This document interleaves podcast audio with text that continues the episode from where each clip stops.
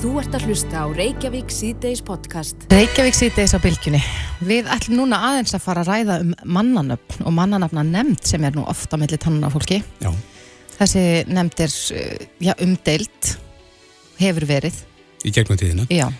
En e, nýjasta samþyktin hefur vætið töluverðardegli þar sem að þeir þykja svona, nefndamenn þykja hafa farið svona aðeins kannski út fyrir ramman, má segja.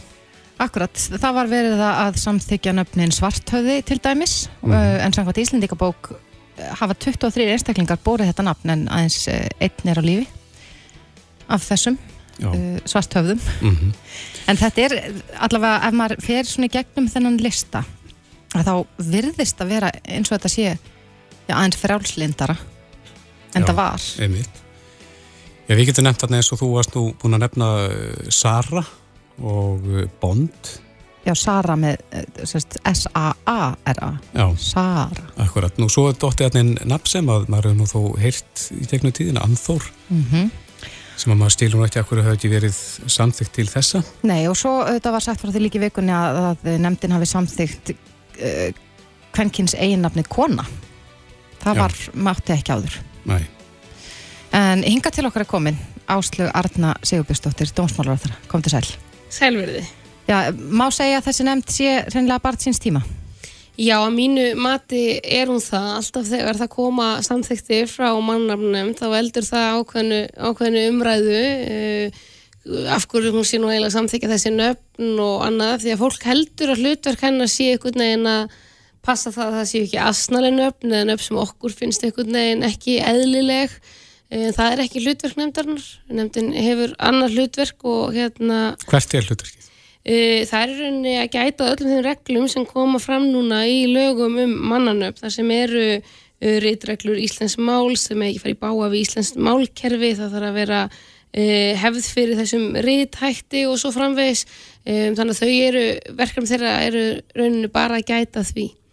Um, og við erum auðvitað bara með marga erlenda aðla hér í samfélaginu í dag sem bera nöfn sem hérna uh, við bara venjumst einu sinni bönnuðu við útlendingum að bera þeirra eigin nöfn, þau þurftu að taka upp íslensk nöfn eins og frækt var, mannanar frá nefnd eru auðvitað bara frá 1991 þannig að þetta er ekki eins og þetta hafi verið hér við líði til lengri tíma en ég held bara að þetta sé orðið batsins tíma og við viljum haldi hefðir. Og ég held að allir íslendingar séu sammálaður ánæði með sko íslenska nafna í kerfið okkar og heiti höfuð og fóreldrum okkar og, og hérna að kenna sig við þau en e, ég held að þetta sé orðið fullstíft og að við höldum ekki hefðir með lögum. E, við höldum í hefðir ef við viljum það og ég hef engar sérstakar áhyggjur á því að það, e, þessar hefðir falli allar niður ef, ef mannanafna nefnd sem stofnuð var 1991 verði ekki til staðar. En þetta hefur vækið aðtegli þar að segja að þarna er fullt af nöfnum sem að maður hefði ekki getið ímyndað sér að myndi sleppi gegn svona á sínu tíma. Eh, Heldur að nefndin sé þarna að reyna svona að halda í, halda sér á lífi með þessu? Ég skal ekki segja, Eh, ég, hún fer auðvitað bara á að fara bara eftir lögum og gera það núna sem hinga til þó að frumvarpið hafi ekki náði gegn sem ég laði fram á þingi sem var svona kannski bilmilli begja sjónamiða. Eh, Þar var ákvæði um að nafn megi ekki vera til dæmis barni til ama um, en uh, það var ekki einhver sérstök nefnd sem skildi fara yfir öll, öll nöfn. Uh, það eru þetta ímist nöfn eins og Mimosa og Ljótur og Naraninja og Ormsvíkingur og annað sem er löngu samþygt nöfn af mannafna nefnd um, á meðan þú mátt ekki heita skallagrímur. um, fólki auðvitað bara hérna um, þetta þarf auðvitað bara að vera í samræmi við það sem fólk er með nöfn eins og uh, telma og telma með hái það hefur valdið fólki vandkvæðum að heita Marcelius með setu eins og langafisinn þetta hefur flest komið síðan í gegnum um kerfið en það hefur einhvern veginn kerfið einhvern veginn stendur í vegi fyrir því að þú getur nefnt barnið þitt það sem þú vilt eða breytt nafniðinu eins og þú vilt. Og mér finnst bara við ekki að eiga eða púðri í það að standa í vegi fyrir því að fólk geti nefnt börn sín það sem það vil. Já, en það, það stóð til að breyta þessu, breyta lögunum og, en hvað stóð því í vegi? Það var ekki meira hluti fyrir því í þinginu. og einhverja sérstakar ástæður gefna fyrir því er, er snýst þetta um það að, að, að fólk er ekki treystandi fyrir því að, að já, nefna börni sem einhverju sem verði með ekki til ama síðan meira lífsleginni? Það var nú í þessu frumvarfi að það mætti ekki vera barni til ama þannig að það hefur ekki verið en það er einhver ræðsla við það að aflétta lögjöf sem hveður á um einhverja hefð eins og að uh, lögin séu eina leiðin til að halda í einhverja hefðir og þar er ég bara ósamála því fólki sem vil nýta uh, kerfið um, til þess að stjórna því hvað fólk gerir uh, eins og að nefna böndi sín. Af hverju náði frumvarpið þetta ekki gegn? Það er einfallega ekki meir hluti fyrir því á þinginu eins og það er skipað í dag. Uh, ég held sem, sem, sem að umræðin hafi breyst samt talsverð, hún hefur þróast, þarna var lagt fram frumvarp sem svona held í ákveðnar uh, línur en samt lagði niður mannarnöfnd í núverandi mynd og svona mm -hmm. um, sem ég var að vonast til að myndi uh, ná fram að ganga en gerði ekki. Þetta er auðvitað bara svona eitt af þessum litlu frelsismálum, þetta er aldrei forgangsmál um, en ég held að þetta verði alltaf niðurstaðan, þetta þekkist ekki löndunum í kringum okkur og, og ég held að þetta verði batsins tíma bara og umræða einhver tíma verður um þetta eins og þegar frjálst útvarpa leift sko. Já, af því að það hefur svolítið verið umræðum svartöfða sem er á þessum lista. Já. Eh, Bræði, Bræði Guðmundsson, þú ert að benda okkur það að, að þetta er, er þekkt úr Íslandíkasögunum. Já, já, þetta var í uh, eh, Stöldungasögunni. Uh, það voru nafn uh, tókaðir bræður og bardagamenn uppi á 13. öld sem að börðust með Þórið Kakala með hans, Kolbein Grön, Björn Rumbur, Björn Kægill og svo elsti bróðurinn, Svartöði. Já, já. En það er eins og, með, eins og þú sagðir hérna áðan áslög með skallagrim Já. hann var nú vissulega til hér á öldum áður en, en það er ekki samkvæmt uh, þessu hægt að nefna batnið sitt skallagrimur. Nei, og margi sem leggjast gegn þessum breytingum vittn alltaf til einhverja nafna sem börn heita í dag sem ég finnst einmitt vera rökin fyrir því að afnuma þetta eins og þetta er í dag af því að uh, kerfi kemur ekki í dag veg fyrir því að uh, fólk heiti einhverju nöfnum sem þér persónulega finnst aðstæðanleg eða einhvern veginn óþægileg sko mm -hmm. og það á ekki að vera á okkur að einhvern veginn hafa vit fyrir fólki með þessum hætti í þessu kerfi eða öðrum að mínum að því. Af því að við erum að falla á tíma, Já. rétt aðeins í lokina því að nú er búið að, að breyta reglum, COVID-reglunum, búið að slaka aðeins á. Uh, þetta var rætt í ríkistón, var almenn sátt við þetta fyrirkomulag eins og það er kynnt í dag. Uh, við rættum lengi um þessa tilugur og svona hvert við erum að stefna um, og hvað tekur núna við til einhvers lengri tíma. Um, ég hefði vilja ganga lengra í tilslökunum.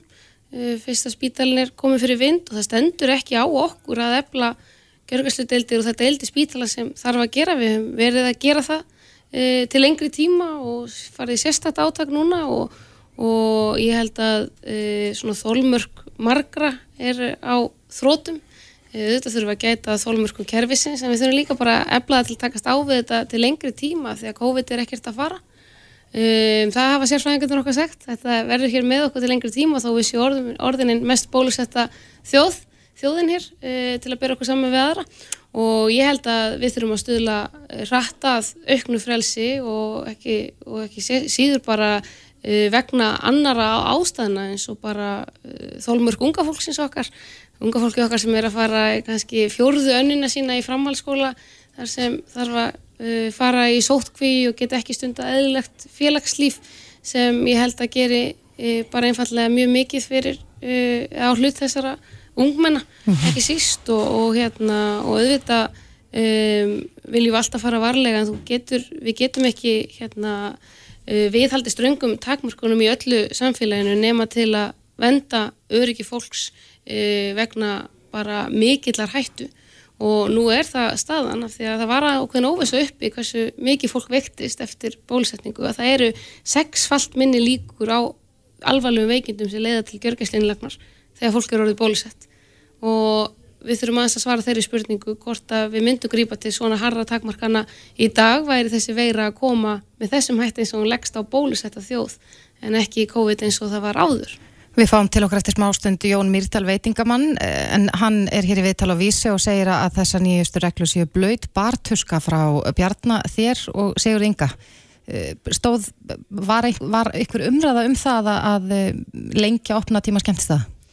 Eh, Reglurnar í dag eru auðvitað aðeins til eh, 11 um, og við vorum auðvitað bara að ræða allar þessar tillögur og allar þessar takmarkanir og hvaða árangur það skiluðu og hverjar væru réttmætar í, í stöðunni sem er í dag. Um, ég skil hann vel, um, fólk getur skemmt sér í enga samkvæmum langt fram eftir nóttu svo lengi sem það er ekki vínveitingarleifi um, þó að það sé veitt vín. Og, og þetta auðvitað takmarkar verulega atvinnafrelsi fólk sem hefur af þessu atvinnu eins og hann. Uh, ég bjarni og Sigur Ingi við hittum bareigandur og, og hérna skennstæðigandur til að fá að hlusta á þá þó að við tökum ekki þessar ákvarðanir uh, um uh, þessar takmarkanir sem er á hendi heilbríðisráð þeirra en við ákomum þó að hlýða á uh, þennan hóp sem vill koma með lausnir og við þurfum að fara held ég að slá aðeins svona lausna miðaðri nálgun í, í þennan svona faraldur og til lengri tíma hvernig við ætlum að lifa með þessu að því að ég held við lifum ekki vel með þessu í þessum takmörkunum til lengri tíma ef við bútt. Nei, Áslöf Arna Sigurbjörnsdóttir, Dómsmálar á þeirra. Takk fyrir komina. Þú ert að hlusta á Reykjavík C-Days podcast. Reykjavík C-Days heldur áfram. Næstu þrjár vikurnar uh, þurfa skemmtistæðar og barir á Íslandi áfram að loka klukkan 11. Mm -hmm. Það breytist ekkert í þeim efnum með, með nýjum reglum sem voru ja, kynntar í dag eftir ríkstjórnafund. Einmitt og uh, þeim þykir þeir hafa verið skildir svolítið eftir, veitingamenn? Já, svo sannlega. Við spurðum nú Áslögurnu Sigurbjörnsdóttur aðeins út í þetta hérna áðan en uh, Áslög Bjarni og Sigur Ingi funduðu með veitingamönnum og, og svona vildu hlusta á þeirra sjónamið en, en það var ekki tekið inn í þessa nýju reglugerð. Hinga til okkar að komin Jón Myrdal sem rekur meðalans skuggabaltur og húrra en hann sagði að þetta veri blöyt barthús tuska frá Bjarni Áslögu og Sigur Inga. Kom til sæl. Já, komið sæl. Já, ykkur þykir þetta að vera blöyt barþurska í andliti frá, frá uh, ríkistjórnini. Hvað báðu þið um? Við vorum bara frekar hóvarir. Uh, við vorum ekkert að byggja um að það veri opið til halv fimm eða eins og það var áður. Heldur raunum veru bara eitt hefði dugað langt flestum til þess að halda, þú veist, reksturinn gangandi. Uh, í þessum bransa er hálega. Við erum með húsnaði sem er bara á prímjum legu við leiðjum húsnaði til og með þess að húra þar er náttúrulega leiðið til hálf fimm. Uh, leigan er samræðan með það. Mm -hmm. hún hefur ekkert lækka neitt sko. Þú veist, uh, hússegundur hafa ekki gefið mikið eftir. Við sittum ennþá upp með þann kostna en kannski bara 20% af opnatíma. Þannig að við erum bara að róa til þess að hérna, halda lífið yfirleitt. Þannig að eftir hann að fund með, með þeim sem við heldum saman hann að nokkuð margi veitingamenn þá fengum við svona, að mér fannst svona jákvægt, tókum við jákvægt í það að eitt verður bara, þú veist, hugsanlega myndið sleppa í gegn og við lagðum til að það eru þá okkur hraðpróf og alls konar en það var bara ekkert tekið til þetta Funduð þið með Svandísi, helbyrðis á það? Nei, hún uh, var bóðið að funda en komst ekki að það var náttúrulega gert með skömmu fyrir að vara mm -hmm. en uh, Bjarni og Áslög og Sigur Ingi mættu og, og, hérna, og hlustuð þannig að það koma kostningar þannig að þú veist hérna, Fenguðu eitthvað vilir þið frá þeim á þessum fundi? Ekki byrjinins vilir en þið tóku allan mjög vilið þetta og Bjarni sagði reynda bara þú veist, strákar, eða krakkar, þið vitið að þið fáið aldrei til hálf fimm en mjög líklega fáið þið aukin orðnutíma en það er 11 það er bara saman ekki neitt sko mm -hmm. Man hefur heyrt það í gegnum allan þennan faraldur að, að þetta eru veitingamenn bónur að búinir til þessa að framfylgja öllum þeim reglum sem er í gildi Já. og eh, að ykkar mati er einhver munur á því svona sóttvarnarlega að segja þessu opið til 11 eða til klukkan 1? Nei, ég menna það breytist ekki, ég menna við erum með dýraverði, við höldum fjalla, við skráum fólk niður og annað sem er alltaf merkilegt með þessar skráningar sem bara bar og veitikastæðar hafa tekið upp á að eru ekki eins og notaðar uh, bara hérna bænum sem að koma upp smitt og hann var með rafræna skráningar. Uh, og eigandin var veikur. Hann hérna var miklu hérna samskiptum við rækningatemið og bauðið fram listan og þeir bara sögðu nei við hefum engan tíma til að skoða þetta. Þannig að alla skráningarna sem voru mjög nákvæmar upp á mínúti með kennutil og öllu þeir nýttu sér ekki neitt. Þannig að að segja að þær reglur þeim er alveg sama. Mm -hmm. við reynum okkar, reynum að gera eðlilega hérna eins og ég sagði nú bara um daginn, veist, við viljum ekki að fólk hafa COVID, við reynum að gera allt svo við náum að, að hérna, lámarka á þetta. En spjótin hafa nú aðeins beinst að ykkur að undarförnum var hefur heyrt við tölvið laurugluna sem að vil hreinlega að, að opna tími skemmtist að verði skertur til frambúðar. Já, já, ég, ég menna lítið á þannig að þetta hafi verið, eh, að COVID hafi verið besta tækifæri þessara manna og hvenna til þess að reyna að stytta opnatíma Þetta, þeir fá, hafa eh, aldrei fengið jafn gott tækifæri til þess að, að loka okkur En svo hefur líka verið bent á það að þessar bylgjur hafa flestar byrjað á skemmtistöðunum. Já, og uh, ég menna, og það, það er eflaust rétt, en það eru við heldur ekki að byggja um það að við fáum að hafa þúsund manns inni og, og hérna engar reglur. Við viljum bara fá aðeins lengar opnatíma því hver klukkutími hjá okkur skiptir máli. Mm -hmm. Ég menn getur bara ímyndaður ef það væri bara opið í bónus bara mellið fjögur og sex. Menna, hvernig er verðin þá? Þú veist, menna, við þurfum að, þetta er rosa skammu tími sem við höfum til þess að borgarlegu og laun og hef, vörur hjá okkur eru með 70% álegningu fyrir ríkinu sko.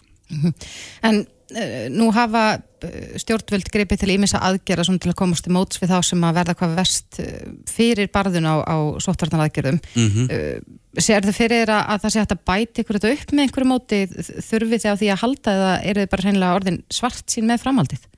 Þetta er náttúrulega mjög mismönda milli, þú veist, fyrirtækja þú veist uh, barinn sem að ég er enda nýbúin að selja Röngan stóð mjög vel og stóð af sér allan hann storm með að draga seglin verulega saman uh, Skuggabaldurinnir er náttúrulega, þú veist, uh, mitt nýja bann og Dessbúlan sko hún er náttúrulega, náttúrulega nýr þannig að hann er náttúrulega ekki rétt á neinum styrkjum en það sem má ekki gleymast er líka annað í, í þessu er að við erum ekki bara að selja brennivín, við erum menningarstafsami. Skuggabaldur til dæmis heldur sjö djastólinga í, í hérna viku. Uh, ég tek sénsinn á því með því að selja, þú veist, djammið niðurgröðistundum menninguna, skiljiði. Mm -hmm. eins, og, eins og á, líka á húra er það þannig að við höldum mikið á tólingum, við hefum kannski greitt sérstaklega mikið á því, en djammið sem er þá lengur framættir, það hefur borgað upp tólninga uh, skemmtununa. Mm -hmm. Þannig að allt helst þetta í hendur mm -hmm. Þið voru að stopna það ekki nýsamtök? Jú, það er nú kannski svona eh, ekki, þau eru nú ekki alveg stopnað en við erum allavega búin að samanast í mjög stóra grúpa á Facebook Hagsmuna samtök nætur hagkerðsins, satt? Jú, það er raun og veru hérna, já. Ég er nú kannski ekki byllinins talsmaða fyrir það en, en, en mér er gaman að tala og, og, og trúa mig fram. Uh, Já, við verðum að gera einhvað við, ekki, við verðum að reyna að standa saman. Þetta er gríðarlega hagsmennir hérna fyrir okkur. Mm -hmm. og við erum ekkert bara að hugsa um eigin byttið, það er fullt af fólki sem vinnir hjá okkur, fullt af byrgjum. Og, og menna, fullt af ferðamönnum og fullt af bara velnilega fólki sem að kemur mati eða fær sér rauðinsglas það bara snýst um mjög margt hérna, þetta er ekki bara endalega stjam og, og, og hérna partistand Vonist þið til þess að þetta verði leiðritt þar að þið komist þarna með? Ég vonast þið þess en ég hef enga tróði Nei. Nei, ég á ekki vona að menn, menn hafa ekki bakka með svona reglugjörðir. Ég held að við sem ennþá með þrjár vikur í að það verði einhvað og þá kannski hugsaðlega fáið eitt, ég held að vona stið þess. Mm -hmm. en, en núna verður, ég held að verða ekkert bakka því miður. Nei. Jón Myrdal, veitingamæður, takk kærlega fyrir komina. Takk fyrir mig. Þetta er Reykjavík C-Days podcast. Já, Reykjavík C-Days á bylgjun heldur áfram. Það var hér á þriðu daginn sem að við opnið fyrir síman og það ringdi maður inn í þáttinn mm -hmm. sem að sagði farið sínar ekki sléttar en eh, ég skulum eh, grípa maður snýri í það sem að hann sagði okkur. Það sem að ég get sagt ykkur er, er þetta. Nú er ég fættur og uppalinn hérna á Íslandi. Já. Og ég hef búin að vera með lögheimili mitt í pappakassa í tíu ár. Ég hef búin að vera hérna á leikumarkaðunum og ég hef verið að flækast hérna, þvælast hérna hús úr húsi ég hef aldrei geta verið með lögheimili mitt á sama stað lengur heldur en kannski eitt eða tvö ári í einu af því að lögheimilislaugin sem við búum við hérna á Íslandi þau eru þannig að þú mátt ekki vera með lögheimili í herbergi ég hef ekki fengið postin minn hérna í tíu ár nema bara á næsta posthús mm -hmm. og svo ofan á þetta allt saman að til að toppa þetta rugg sem er í gangi hérna í þessu landi þá setjum við hérna öll uppið með batteri sem að heitir vanskilaskrá og hún kemur í veg fyrir það að, að fólk hérna sem er búið að búa hérna, allast hérna upp, borga sína skatta og skildur uh, hérna alla sína æfi það getur ekki eignast hvorki eitt eða neitt eða lendir hérna inn. Já, þetta saðan við okkur meðal annars uh, á þriðu daginn og svona meða við þessa lýsingu að þá á hann sér ekki við reysna von og hann segir að þessum kröfum sé haldi við Já, og hann í raun og veru sagði í lokina að, að hann sennilega krefist þess að vanskila skráir þið lögð niður eða, eða gerð ólögleg. Já, akkurat. En eh, hún er komin til að ræða þetta við okkur, kona sem að þekkir þetta vel, ástildi Lóa Þóristóttir, já Þórstóttir, formar hagsmuna samtaka heimilana og frambjóðandi flokks fólksins, velkomin. Takk fyrir. Ég, þetta er ekki eina tilfelli þar sem að fólk, að við höfum heyrt fleiri svona lýsingar þar sem að fólk segist ekki eiga sig við reysna von eftir, jafnvel áratug eftir að, að það hefur verið gert gjaldurta. Já, hrunið er bara ekkit búið fyrir alla. Þetta var ekki einstakur viðbyrju sem bara leið. Afleðingarnar eru ennþá þannig að, að margir sem mistu allt sitt sitja ennþá í súpunni 13 árum síðar. Sumir hafa komið ársinni ákjallega fyrir borð en eru samt ekkert í jafngóðu málum og þeir hefði annars verið. En aðrir eiga sér og hafa aldrei átt sér viðresna von. Um, það er svolítið merkilegt að heyra þetta eða bara merkilegt tilvílun að rétt á það það fikk ég skilabóð frá konu sem ég hef stundu verið í sambandi við og hún sagði að hún sagði, ég vildi bara láta þið vita að ég er loksins búin að endurheimta nafni mitt aftur búin að kaupa lítið hús og var að kaupa mér bíl út á mitt nafn. Hún hefur ekki haft vísakort frá hrunni og þetta er að gerast núna 13 árum eftir hrun að hún er að fá aftur hvað við segja, lífið sitt tilbaka og hún sagði, það var alveg saman hvað ég reyndi að fá í bankanum, 100 áskrona yfirdrátt netgir og umsóknu vísakort með lámasheimilt öllu var hafnað. Þannig til hún fekk sér lögfræðing sem að gekk í málið og kostaði miljón í það. Þú veist, Og hvað, ger, hvað gerir lögfræðingur í svona stöðu? Ég bara, það er bara, bankarnir virða bara ekki neytendur. Það virðist alltaf einhver þurfa að koma sem er með einhver titil og það er, sko það er tvent í þessu, það er náttúrulega það að, eða náttúrulega margt í þessu, en eitt af því er að neytendur þekkja bara oft ekki rétt sinn, veit ekki hvert er eiga að leita og bankarnir eru bara mjög ofta að nýta sér það. Og svo leitaðu til lögfræðinga sem er náttúrulega gríðarlega dýr kostur og ekki á allra færi eins og þessi saga kannski ber með sér. En það sem er svo slæmt er að þarna er yfirleitt bara um harduglegt fólk að ræða. Bara fólk sem að stóð alltaf í skilu með allt sitt og bara, þú veist, til að fótonum var bara kift undan því. Og hverjir kift undan þeim fótonum? Í rauninu voru það bankarnir sem að síðan þykjast geta sett sig á háan hest eins og þeir, eins og þetta fólk sé einhver vanskila fólk. Eh, Það er þegar staðrindin er svo að það voru ekki, það var ekki fólkið sem að, eða sem sagt, það voru bankarnir sem eru gjaldtröta í hruninu og ekki voru þeir skráður á vanskilaskrá. Þeir fengur bara nýja ken- kennitölu í bóði ríksins. Og það er ekki hægt sem einstaklingar. Nei, það er ekki hægt sem einstaklingar og venjulegt fólk um, það var ekki að setja eignir sínar í enga hlutafélög ég meina, þú, þú veist, hverjum hefði átt að detta það í hug þannig að venjulegt fólk situr í súpunni situr ennþá í henni og sem dæmi um það að þá hafa fjárnám frá hrunni og ég bara fekk þess að tölur því ég vissi að ég var að koma hingað nýjar, þau eru 187.974 hjá einstaklingum Fjár- fjárnám. Fjárnám. og af þeim eru árangusleis fjárnám 147.030 það eru 78% fjárnáma árangusleis sem að þýðir að e, það fundust engar egnir til þess að taka við í hvorki fastegni bifreið. Þetta er fólkið sem að lendi illa í hruninu. Þetta eru 20.000 einstaklinga, það er ekki til tölur yfir hvað þetta eru margir, þetta eru náttúrulega ekki 147.000 einstaklingar, en bankarnir viðhalda þessum, uh, þessum kröfum með því að koma alltaf með nýja kröfu áður en að fyrningatími rennur út. Þetta, þetta er fólkið eins og hann Óskar sem hringti hérna inn í gær og mér langar bara að benda Óskari á, ég vona innilega hann sé að hlusta ég ætla bara benda honum á og öðrum sem eru í samskona stöðu að leita sér aðstúðar hjá hagsmunasamtökum heimilina með því að senda post á heimilin at heimilin.is Hvað gerir það, er- þið? það er eini staðurinn þar sem að fólk fær óháða fjármálaráðkjöf Mhm. við höfum þekkinguna og við getum þú veist, við getum að minnstakosti við getum sendt bref, við getum farið í baráttuna fyrir, þið, við getum séð hver réttur þinn er það er það sem við getum gert fyrir fólk og við gerum það og höfum hjálpað alveg fjölmörgum Hvað græða fjármálastofnarnir á því að viðhalda þessum lista? Já, það er góð spurning. Vegna þess að, sko, enginn í rauninni græðir á því. Þú veist, ég, ég, ég skil ekki hvað þær græða á þessu vegna þess að þær eru ekki að fá neitt út úr þessu í rauninni, því að þetta er áranguslaust, það er ekki þarna. En svo sem ef að þetta fólk einhver staðar kemst í, um, já, sé á sér viðræstna von, þá eru bankunni náttúrulega mætti til þess að hýrða það. Það er það sem þið geta gert. En þetta er eitthvað sem er bara slæmt fyrir alla og ekki síst þjóðfélagið að halda 20.000 í svona gíslingu og útilóka það í rauninni frá fullri þáttöku í samfélaginu. Mm -hmm. Hann talaði mikið um vanskýra skrá og það er þetta, þar sem, þaðan sem þessar upplýsingar koma um, um skuldir. Já. Eru það bankarnir sem að senda inn, inn kröfur þar og, og, og svo eru hinn ímsu fyrirtæki sem að já. sjá um rukkanir eða? Já, sko, já, sko, þú veist, kreditinfo er í rauninni í eðlisunum bara gagnagrunnur.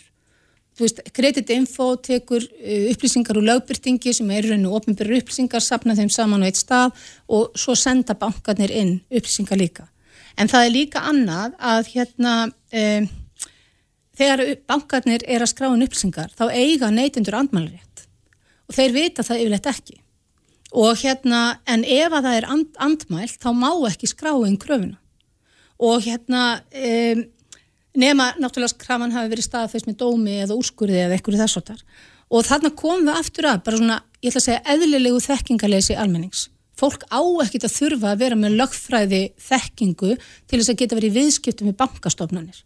Þær eiga að sjá um þann part og standa sig í því sem þær gera bara alls ekki og hérna þann, og fæstir hafa efni á að leita sér lögfræðastofar en aftur ég bara benda á að hérna þeir sem finna sig í þessari stöðu eða tellja sér verið að brjóta á sér eru óvissunum sinn rétt en til að leita þið til hagsmunasamtakana. Hvað er hægt að koma staði hvort að maður sé undir eftirliti? Ég, fólk getur farið inn á mína síður hjá Creditinfo og þar getur það séð hver er að fletta þeim upp og hvort er síð undir eftirliti og hvað er skráð á það. Þetta er allt saman opið fyrir einstaklingarna sjálfa.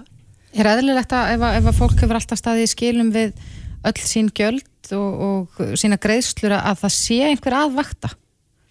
Nei, í raunin ekki. Menna, þú veist, eins og ég segi, e, það, nei, í raunin ekki og sérstaklega ekki ef við verðum að tala um kröfur sem eru frá hruninu. Þú veist, í, hérna, í alveg tala það var hérna hrun. Og það var ekki fólkinu að kenna. En nú skilum að það kannski að þeir sem að lána peninga þeir vilja fá það tilbaka. Um, er þetta að uh, koma málum þannig eða háttamálum þannig að, að það sé sandjarnar yfirbræði yfir þessu? Hvað er á að draga mörkin? Ég held að hérna, bankarnir síðan og algjörlega búin að fá sitt tilbaka og vel það. Þeir keiftu þessar, fengu þessar egnir eh, hérna, raunbankana á gafverði og hafa rukkað á fullu, fullu verði og ekkert gefið eftir.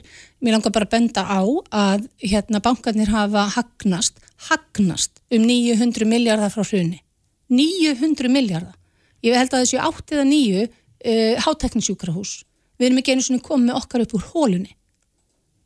Veist, þetta, þetta, þetta nær náttúrulega ekki nokkru átt þannig að við skulum, það er engin ástæði til þess að finna til með böngum þó að þeir þurfi einhvers það er að gefa eitthvað pínlítið eftir og þá má líka alveg ræða um það sem er að gerast núna bara í COVID og allt það eru bankarnir hluta þessu samfélagi eða standa þeir bara eitthvað staði fyrir utan og fá alltaf sitt og miklu miklu meir en það En hvað vilja hagsmunarsamtök heimilina að gera?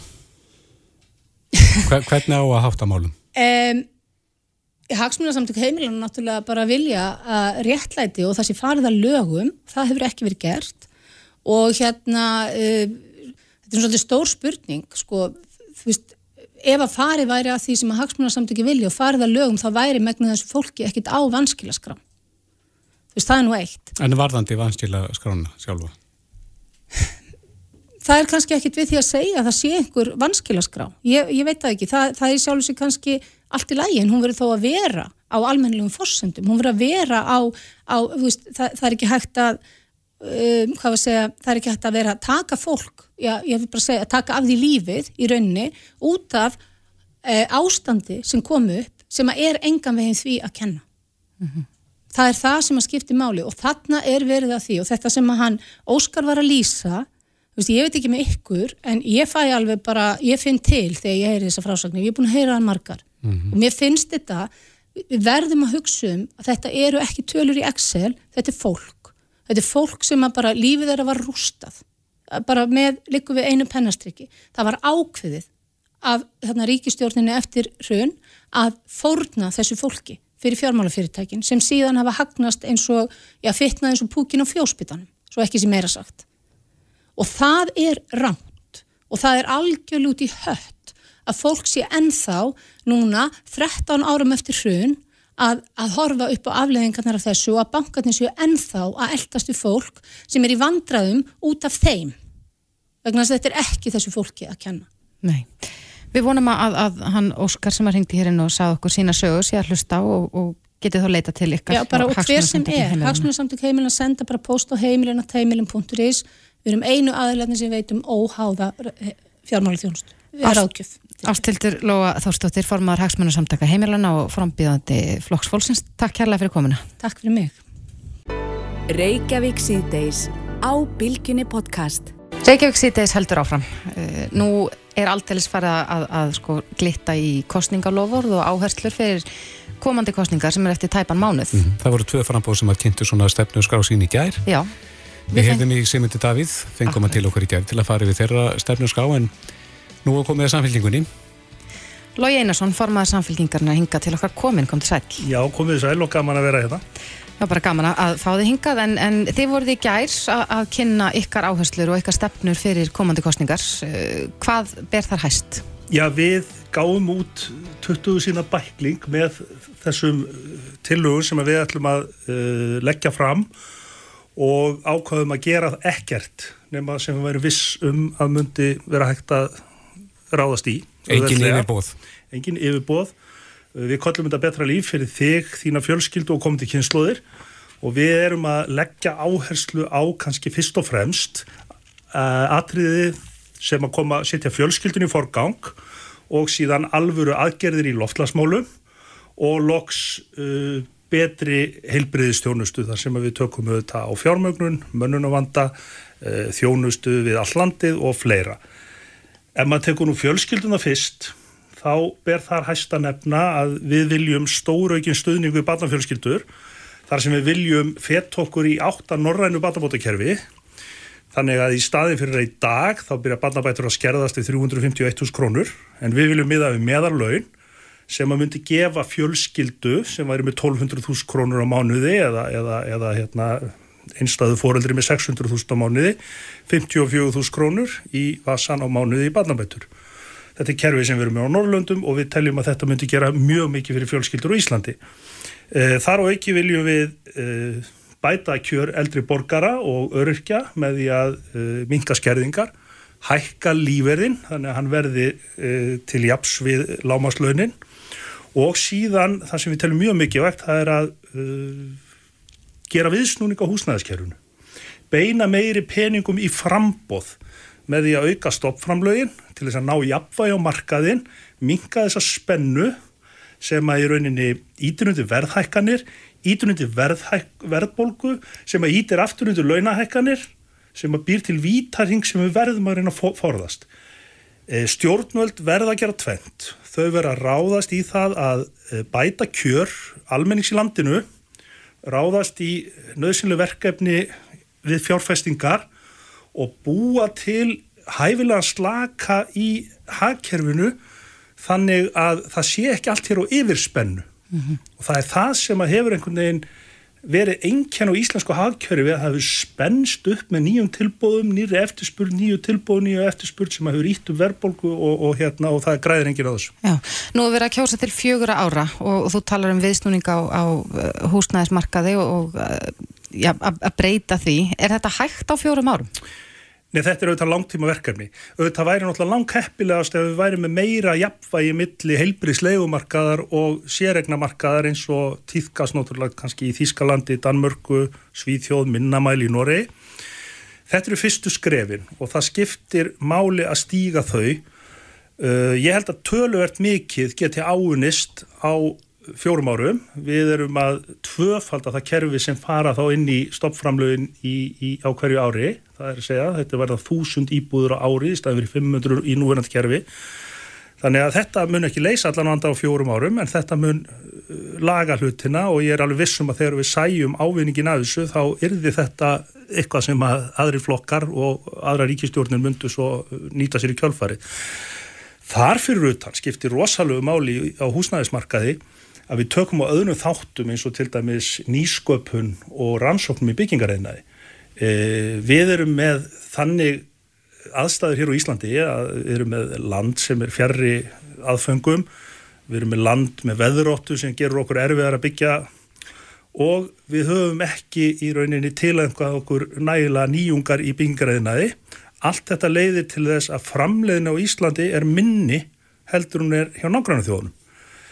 Þegar að þetta blandast svo við eh, sagt, aðstæður þar sem að vextur eru háir þá er nánast útilokað að byggja húsnaði á eins hagstaðu verði og hægt er hjá nágrannu þjóðum okkar og það leiður auðvitað hugan að því að annað langtíma markmiði sem verðum að fara að skoða það er einhvern veginn að, að, að taka upp mynd sem að gefur okkur uh, hagstaðari fjármögnun. Út átalum efru, náttúrulega. Það er auðvitað langt nártækast og, og samfélkingin vill það að þjóðin fái bara ákveða í þjóðratkvækarislu, uh, eigum við að halda áfram mm -hmm. aðelda viðraðum, ég er samfærum og þjóðin vill það. Er það ennþá forgangsmáli hjá okkur að, að ganga í Európu sambandið? Já, við viljum í rauninni gera það og teljum að það sé æskilegt. Við hins vegar auðvitað áttum okkur því að á endanum er að þjóðin sem ákveðu það í þjóðrátkvæðslu og við myndum alltaf virða þá niðurstöð. Mm -hmm. En við viljum meiri að líka taka tilli til þeirra stöðu sem eru uppi í samfélaginu og ólíkra sína millir flokka og gefa þjóðinu líka bara tækifæri til að ákveða hvort við erum að halda áfram mm -hmm. að þetta virða. Það er Eitt... fyrsta skrifið. Eitt af því sem að verður, eitt af stórum málunum eh, að maður heldur allavega núna í, í haust er, er heilbreyðskerfið. Já.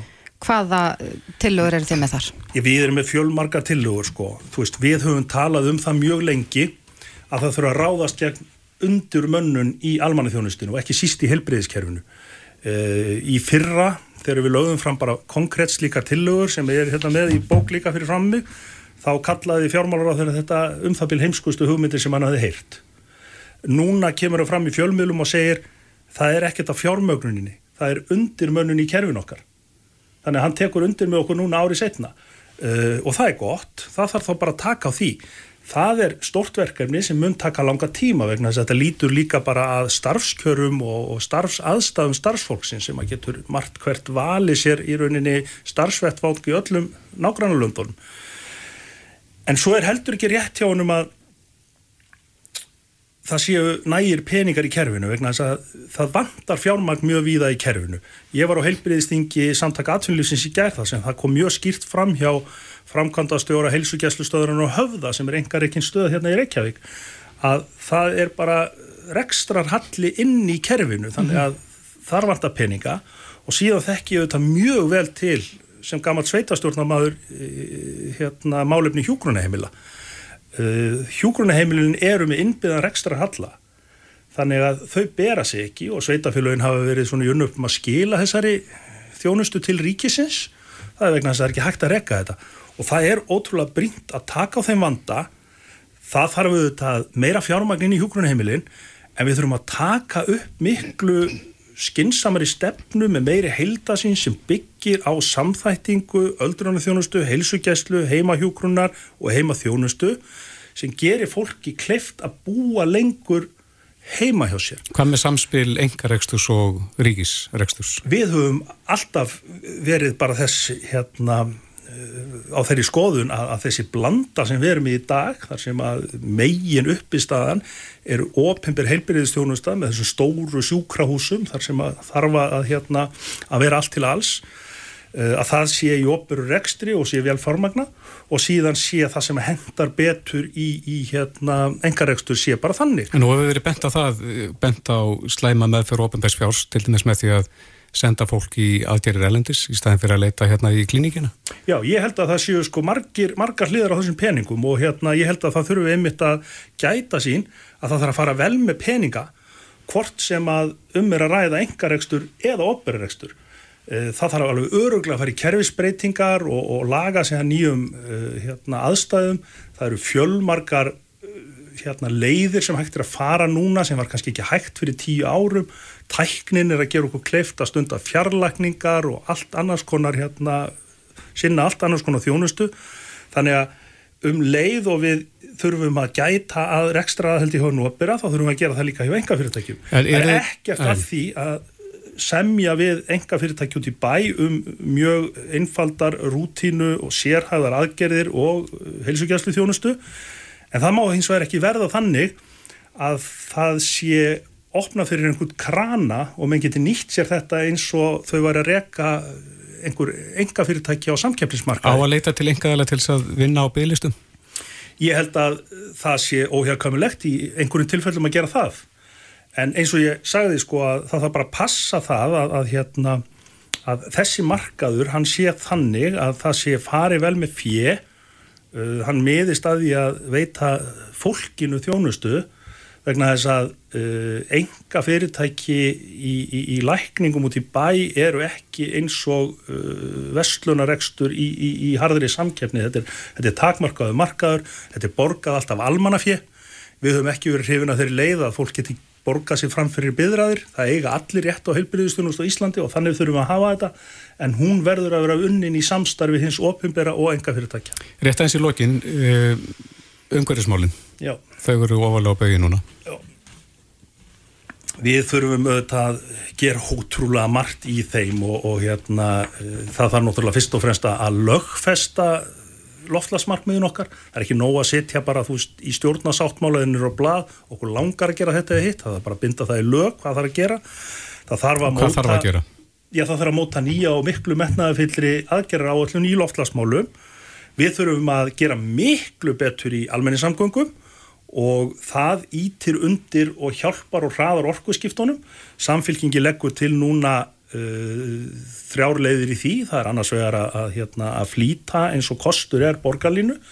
Við viljum hefja undirbúning strax að kepla ykkur línu, það er að segja tenging hérna, höfuborgarinnar við, við flugvöllin. Með lesta samgöngu þá? Já, síðan eru það sérfræðingarnir sem finna út með hvaða hérna, apparutum er best að frakta fólkinu. Að, að treðið er að það sé sagt góð tíðni, það sé ekki of dýrt og það takir stuttan tíma. Svo velja menn bara bestu leiðina í því hvort sem það er lest eða einhverju raðvagnar eða eitthvað annað.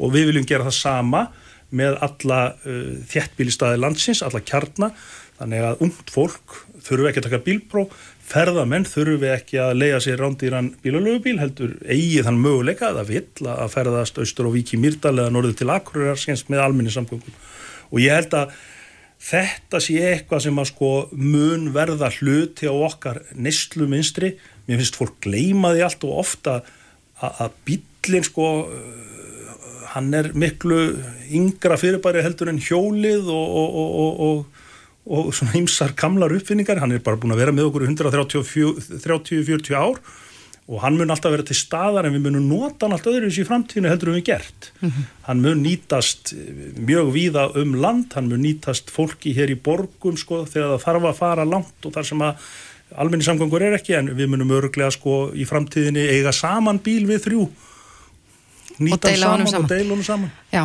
við komumst í mér ekki lengra sinni. Lógi Einarsson, formadur samfélkingarnar Takk kærlega fyrir komuna. Herru, kæra þakkir, gaman að hitta ykkur. Reykjavík síðdeis á bylginni Reykjavík síðdeis á bylginni heldur áfram.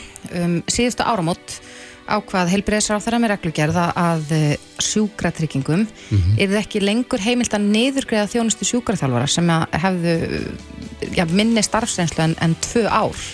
Þannig að, að þetta allir svona það fór svolítið rangt á hann í sjúkarþálfara vegna þess að uh, þeir sem voru nýju útskrifaðir gáttu þá ekki nýtt krafta sem eins vel. Nei, þarna var í rauninni verið að þröngva nýju útskrifuðum sjúkarþjálfurum í störf hjá ríkinu. Akkurat.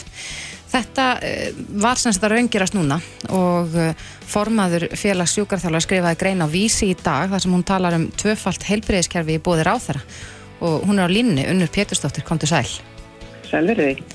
Já, þetta er að raungerast núna og þú talar um tvöfalt helbriðiskerfi. Eh, segð okkar aðeins frá því, hvernig, hvernig fer þetta ofan í ykkur? Þetta hefur nú ekki farið vel í okkur.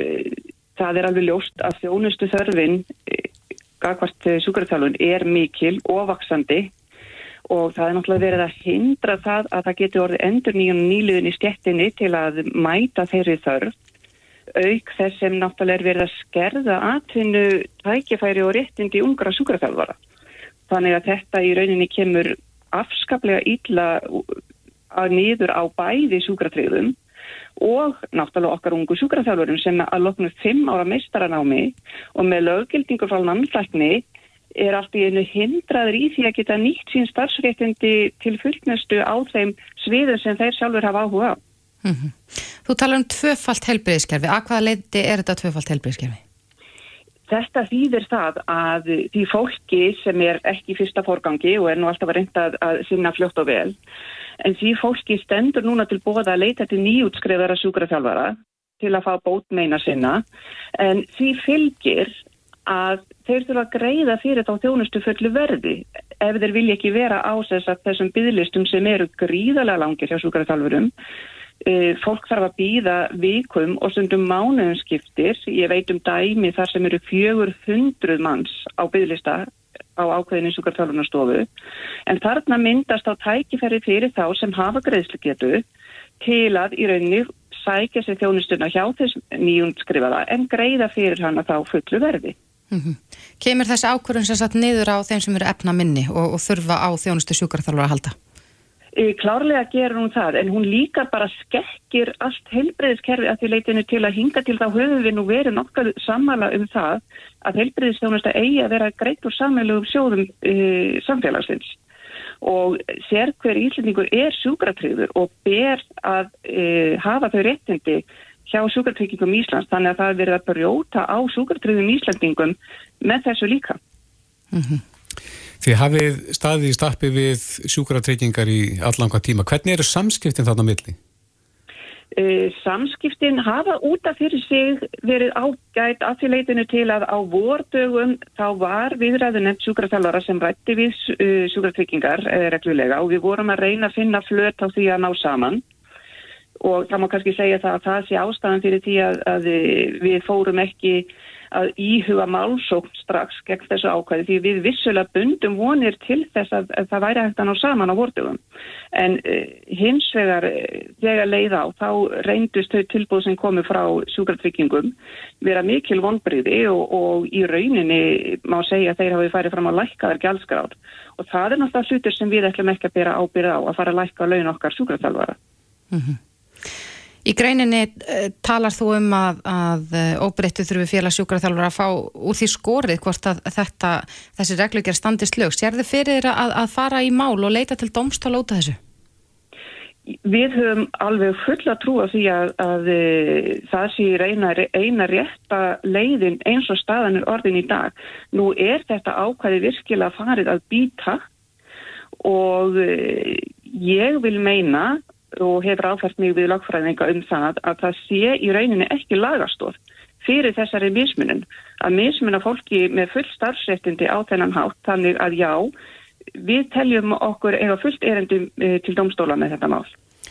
En þetta bitna fyrst og fremst á ykkar stjólstæðingum sem er ansið stór hópur? Já, það gerir það og þessi hópur gerir ekkert annað en að stækka því að eins og talaðu var um á helbriðsþingi sem eh, helbriðsáður að hjælt nú uh, á fyrstudagin síðastlegin, þá var gríðalega mikið talað um það uh, varðandi öldrun þjóðarinnar og, og hvernig helbriðskerfi þetta bregðast við því að þá var mikil áhersluð á forvarnir, helsueflingi og allar þær aðgeri sem hægt var að gera til þess að gera fólki kleift að vera sjálfberga og heima eins lengi og, og nokkur tökkeru á. uh, og ætla síðan uh, í hinu orðinu að reyna að uh, skerða eða koma í veg fyrir að þessi hægt að veita þjónustu sjúkraþjálfara að þarna fer bara ekki saman hljóð og mynd. Nei. Nú eru bráðum liðnir, já, 8 mánuður að þessu ári og þessi ákvörum var tekin, þessi reglugjörabreitingum síðasta áram og hefur átt að samtal við heilbreyðsráð um þetta og, og, og sér þið fyrir þetta muni breytast? Reglugjörðin núverandi rennur út núna á þriðudaginn Uh, og ég hef nú þegar sendt uh, ráðuneytinu bref uh, með áskorun um að taka þetta ákvæði út þegar reglugerðin verður endur í núna um mánagamótin sem ég reikna með að hún verði gerð og það er náttúrulega bara kjöri tækifæri fyrir ráð þeirra að afnema þetta ákvæði og setja hlutina í betri farveg. Akkurat. Unnur Pétursdóttir, formadur félags sjúkraþála. Þakka að kærlega fyrir þetta. Takk sem síðdeis á Bilginni podcast. Reykjavík síðdeis heldur áfram. Eh, það er einn svona nýtt helsu, eða ný helsuvara má segja, mm -hmm. sem að ég hef svona séð víða. Já, það er að reyðja sér til rúms. Já, má segja það mm -hmm. og, og sömur myndir kannski halda að fólk var í klikka að nýta sér þessa vöru en, en mm -hmm. það er svona fæðist í aukan að fólk sé að ganga í svo kallum sokkaskóm. Já og jafnvel ganga bara á, á fjöll og, og fara fimmverðuháls og kannski laugavegin í sokkunum í rigningu mm. og, og alls konar drullu og ég veit ekki hvað Af hverju, hvað, hvað gera þessir sokkaskór? Já, það, mér er bara skilst að þetta eigi einhvern veginn að styðja við svona náttúrulegra göngulag Mm. út af því að við vitum það að, að manneskjan fættist ekki skóm að það sé gott fyrir okkur að, að vera með tærnar á, á réttum stað og einhvern veginn að, að grípa jörðina betur sem við, sem við stígum á. En til þess að segja okkur örlítið meira um þetta við okkur langa að fræða smá um þetta og á línun hjá okkur er Anna Lind Fells en hún er eigandi verslunar Uglan og sem selur þessu skó, kom til sæl. Já, sæl. Já, eins og heyrir þá vitum við lítið sem ekkert um þess að sokka skó en, en höfum hins vegar séð freka mikið að fólki nýta sér þetta getur þú sagt okkar aðeins frá þessu? Já, þetta eru í rauninni bæði sokkar og skór og þú getur nota þetta hvað sem er. Þannig að við höfum verið að nota þetta bæði úti í fjallsgöngum eins og ég fór fimmurahálsin í fyrrahásu. Er þetta, er þetta þunnur bótt? Já, þetta er þess 30 mm þunnur bótt og við erum með tvær típur, bæði típu 1 sem að er þinnri, síðan erum við með típu 2 sem er með auka bótt og þú getur alltaf tekið hann út. Mm -hmm. Þannig að þú ert að fara í fjallgöngur eða sérst ganga í steinóttu undirlægi þá er mjög gott að hafa botnin í aðeins til að verja fætunar. Akkurat, ég svona ekki ímynda mér að, að þetta hljóta að vera já, kannski svolítið erfitt að venjast þessu eða jafnvel sársöka fullt fyrst um sinna að vera að stíga á steina í, e, svona, með svona þunnan botn. Er þetta bara spurningum að, að harka þetta af sér og, og venjast? Já, við erum náttúrulega mjög mis sárfætt. Og ég var til dæmis ekki búin að eiga mína lengi bara í nokkra vikur þegar ég fóði fimmurhánsinn þannig að það er mjög gott bara að venjast hægt róla, taka vittar gönguferðir. Og við fáum haspurur í aðra vöðva til dæmis eins og kálvöðuna bara þegar við erum að ganga sem við erum ekki vöðin að gera. Af hverju er það? það er að því við erum að nota allt aðra vöðva. Þannig að ef við horfum bara á mannslíkamann þá erum við með 26 bein í fætinum en ef við erum að nota hefðmynda skó þarf að nota fótin eins og eitt bein Erum við, þá, erum við þá að nota tábergið meira í þessum sokkum? Já, við erum að nota allan fótin þannig að við horfum aðeins bara á hlaup ef við erum í hefðmyndum hlaupaskóm þá er náttúrulega ómögulegt annað en að en- lenda á hælunum þegar við hlaupum. Mhm. en við viljum lenda á táberginu eða miðjum fætinum til þess að fá ekki þetta álag framan á hnén og til dæmis að fá beinhundubólgu, það er mjög algengt og það er alveg yfir 80% hlaupara sem er að meiðast á hverju ári og ofta snýfandamál. En er fólk farið að nota þetta í hlaupum líka? Já, þetta er ótrúlega vinsast bara í hlaup og að því við erum að nota aftar í keðjuna á líkamann, við erum að nota kalvöðana, rassvöðana, lærin, Mhm. þannig við erum að hlaupa rétt, bara eins og frumbyggjarni gerði. Hafa eh, einhverjir hlauparar já, sagt ykkur svona reynslusögur af því að, að meðsl hafi minkað eða er þetta byggt á vísundum eða, eða hvað? Já, þannig að þetta er raunin bara byggt á vístum eins og fyrir frumbyggjana og ég sjálf sérst lærið í segjuvinstum minn hjá Holistic þannig að ég er mjög ekki áhuga á mannslíkamanum. Og ef við skoðum bara frumbyggjana okkar þá gengur þeir aldrei í skó með upphækkun, skiljiði. Þannig að flestir höfðunni skór í dag er náttúrulega með upphækkun og í þá tíma á þeim tíma var ekki þekkt vera með flatan fót til dæmis Nei. og þessi stóðkerfisvandamál sem við erum að díla við í dag þannig að þetta snýstir inni bara um það að komast aðeins nær náttúrunni og nota líkamann rétt Mm En við hvaða tækifæri er fólk helst að, og farið að nota þetta? Er valla fyrir fólk í þessi vinnuna? Jú, margir á landsbyðalum til dæmis hafa keift þetta til þess að ganga í, í vinnunni af því að maður verður ekki eins þreyttir í fótunum þegar maður nota náttúrulega vöðuna rétt og, og líka í sjósund til þess að vaða í fjallgöngur og hlaup og, og hjól þannig að ég raunni bara og líka mjög vinsælt í rættina eins og svo leys En Anna, hvað með börn? Ég hef nú heyrt af að einhverju leikskóla reykja upp stór augu þegar börn mæta í þessu í leikskólan og, og heyrt Já. að það mæti með stígvél til dæmis. Já, þetta er þetta Já. Já, einmitt, það- þetta er alveg niður í 26 númerinn sko. Og það hafa mjög margir verið sagt, að senda börni sinn í leikskóluna og svona í þessu.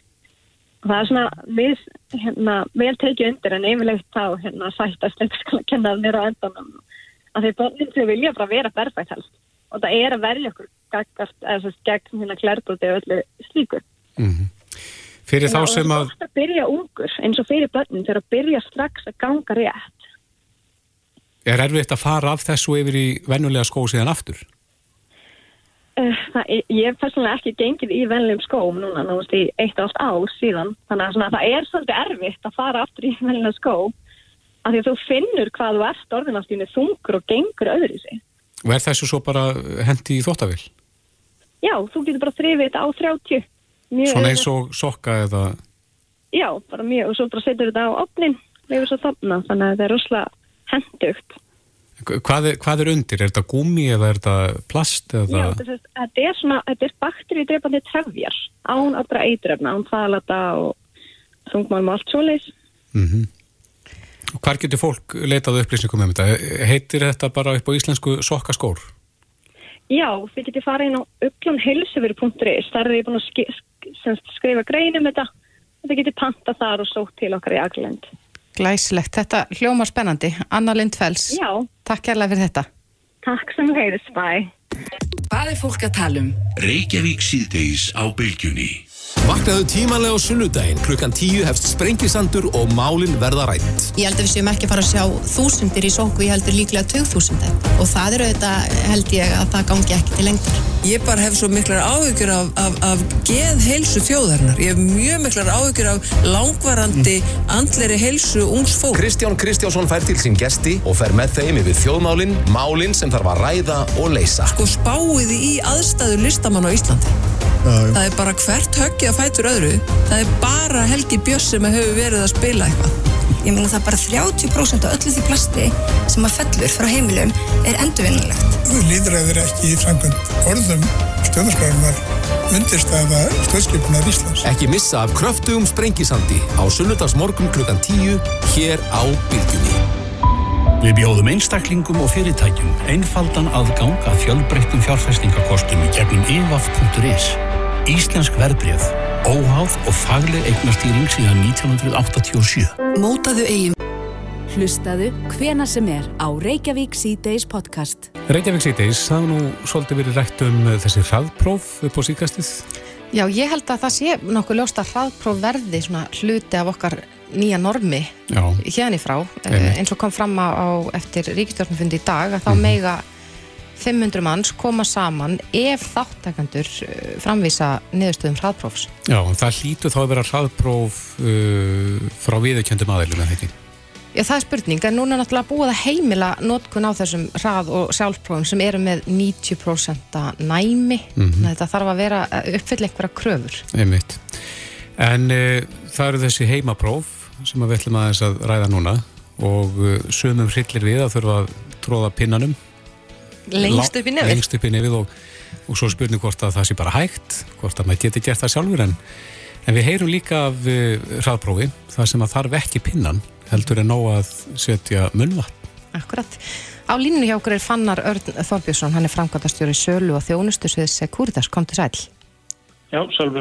Já, þið eru með eh, annars konar próf en við kannski þekkjum, er það ekki? Það sem að maður þarf ekki að stinga pinnanum nánast upp í heila? Jú, það passar. Við erum að bjóða hraðpróf sem eru út frá munnvarsín og tek alveg undir það sem að þið sögðu þarna áðan að- að ég er svona að dreif að þú ætlar að prófa þið sjálfu með pinna að þú farir nægilega langt til þess að það sé uh, nægilega margtækt. Þannig að við erum að, að bjóða þessi próf með, með munnvarsínum og, það er, eh, hefur reynst bara gríðarlega vel og er einfalt í framkvæmt. En ef að maður þarf að fara svona langt með pinnan hvernig getur þá munnvatsprófi verið örugara eða jafn örugt?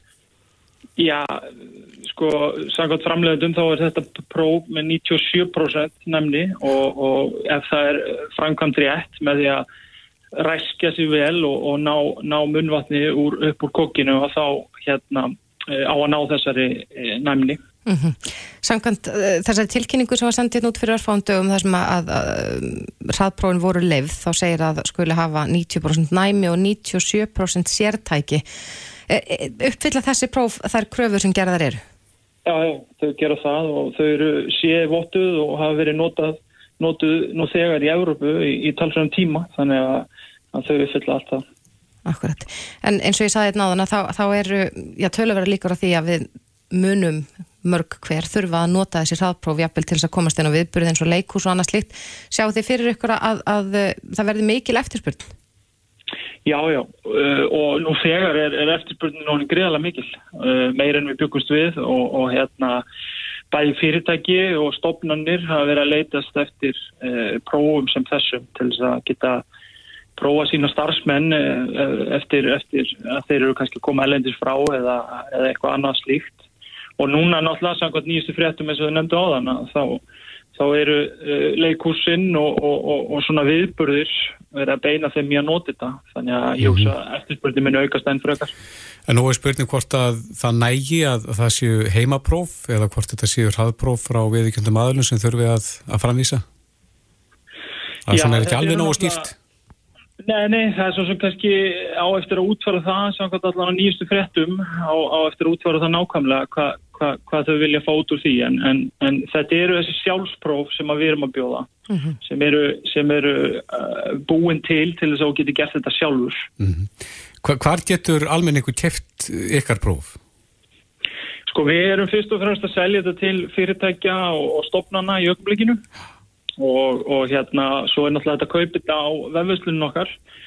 Uh, við seljum þetta í 20 prófa kassa það er sérst, eitt kassi er með 20 prófum og það getur svo sem hver sem er keipt á, á, á vefversluninu hjá okkur og segir kuritas.is uh, eða haft samband við okkur og, og keipt en, en lámaspöntun er, er 20 próf í kassa. Já, er þetta svona svipað í framkvæmdi eins og við höfum séð í, í fréttum, svona eins og óléttu próf?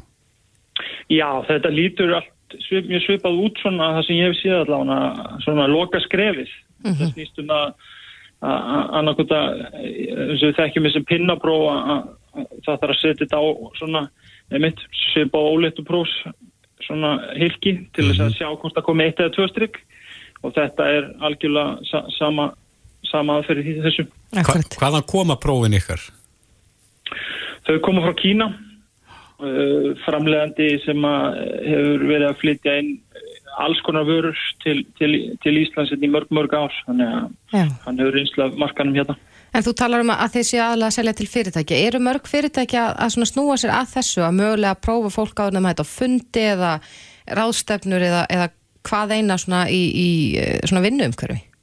Já, það er það og, og, og fyrirtæki eru að grípa í þessi próf það er einhver kannski grunnur eða, eða svo líka fyrirtæki sem hafa verið í sambandi okkur sem er mjög viðkvæma starfsemi og, og mega bara alls ekki missa smitt inn í einhvern hóp hjá sér og þá eru þeir að prófa bara á hverjum degi sem dæmi. Getur nefnt okkur dæmi um slíka starfsemi? Ég kannski vil ekki nefna fyrirtæki sjálf, fyrirtækin sjálf en, en veist, þetta eru fyrirtæki sem eru að reyka kannski mjög mikilvæg innviði og með takmarkaðan hóp sem að getur syngt því sem dæmi. Um, við höfum líka fengið fyrirspurn uh, frá sagt, brúðköp sem á- átti á að halda. Þau hafa keift á okkur próf og vilja testa alla áður en að, mæti visslu. Veistu til þess fannar að, að þessi próf hafi greint smitt? Já, já, þau hafa gert það. Við höfum sjálfur verið að nota henni Sigurdas núna um, og, og meðal annars eh, hafa komið upp smitt hérna sem annars hefðu mögulega driftur innan fyrirtækisins og við gáttum greipið strax inn. Voru Eh, það einstaklingar sem voru þá einnkynna lausir? Já, þeir voru að lausir. Uh, voru svo sendið strax í, í, í þessa sínatöku sem við þekkjum og, og, og var staðfyrst þar að þeir væri smittaðis. Já, þannig að það hefur náðast að grípa þá þá snemma. Já, áður en að þeir blönduðust inn í, inn í aðra starfseminna hjá okkur. Akkurat. Já, þetta er áhugavert og, og eflaust margir sem að vilja sleppa því að setja pillan upp í nefið. Já, ég myndi allan að vilja persónulega fara þessi leið frekar því að ég er ekki vissum að ég myndi treysta mér að koma pinnanum alla leið upp sko. Allavega ekki eins og gert er í þessum hefbundu sínatökum. En Fannar Örd Þorbjörnsson, frangværtastjóri Sölu og þjónustu sviðis Securitas. Takk kærlega fyrir þetta. Takk svo leis. Þetta er Reykjavík C-Days podcast.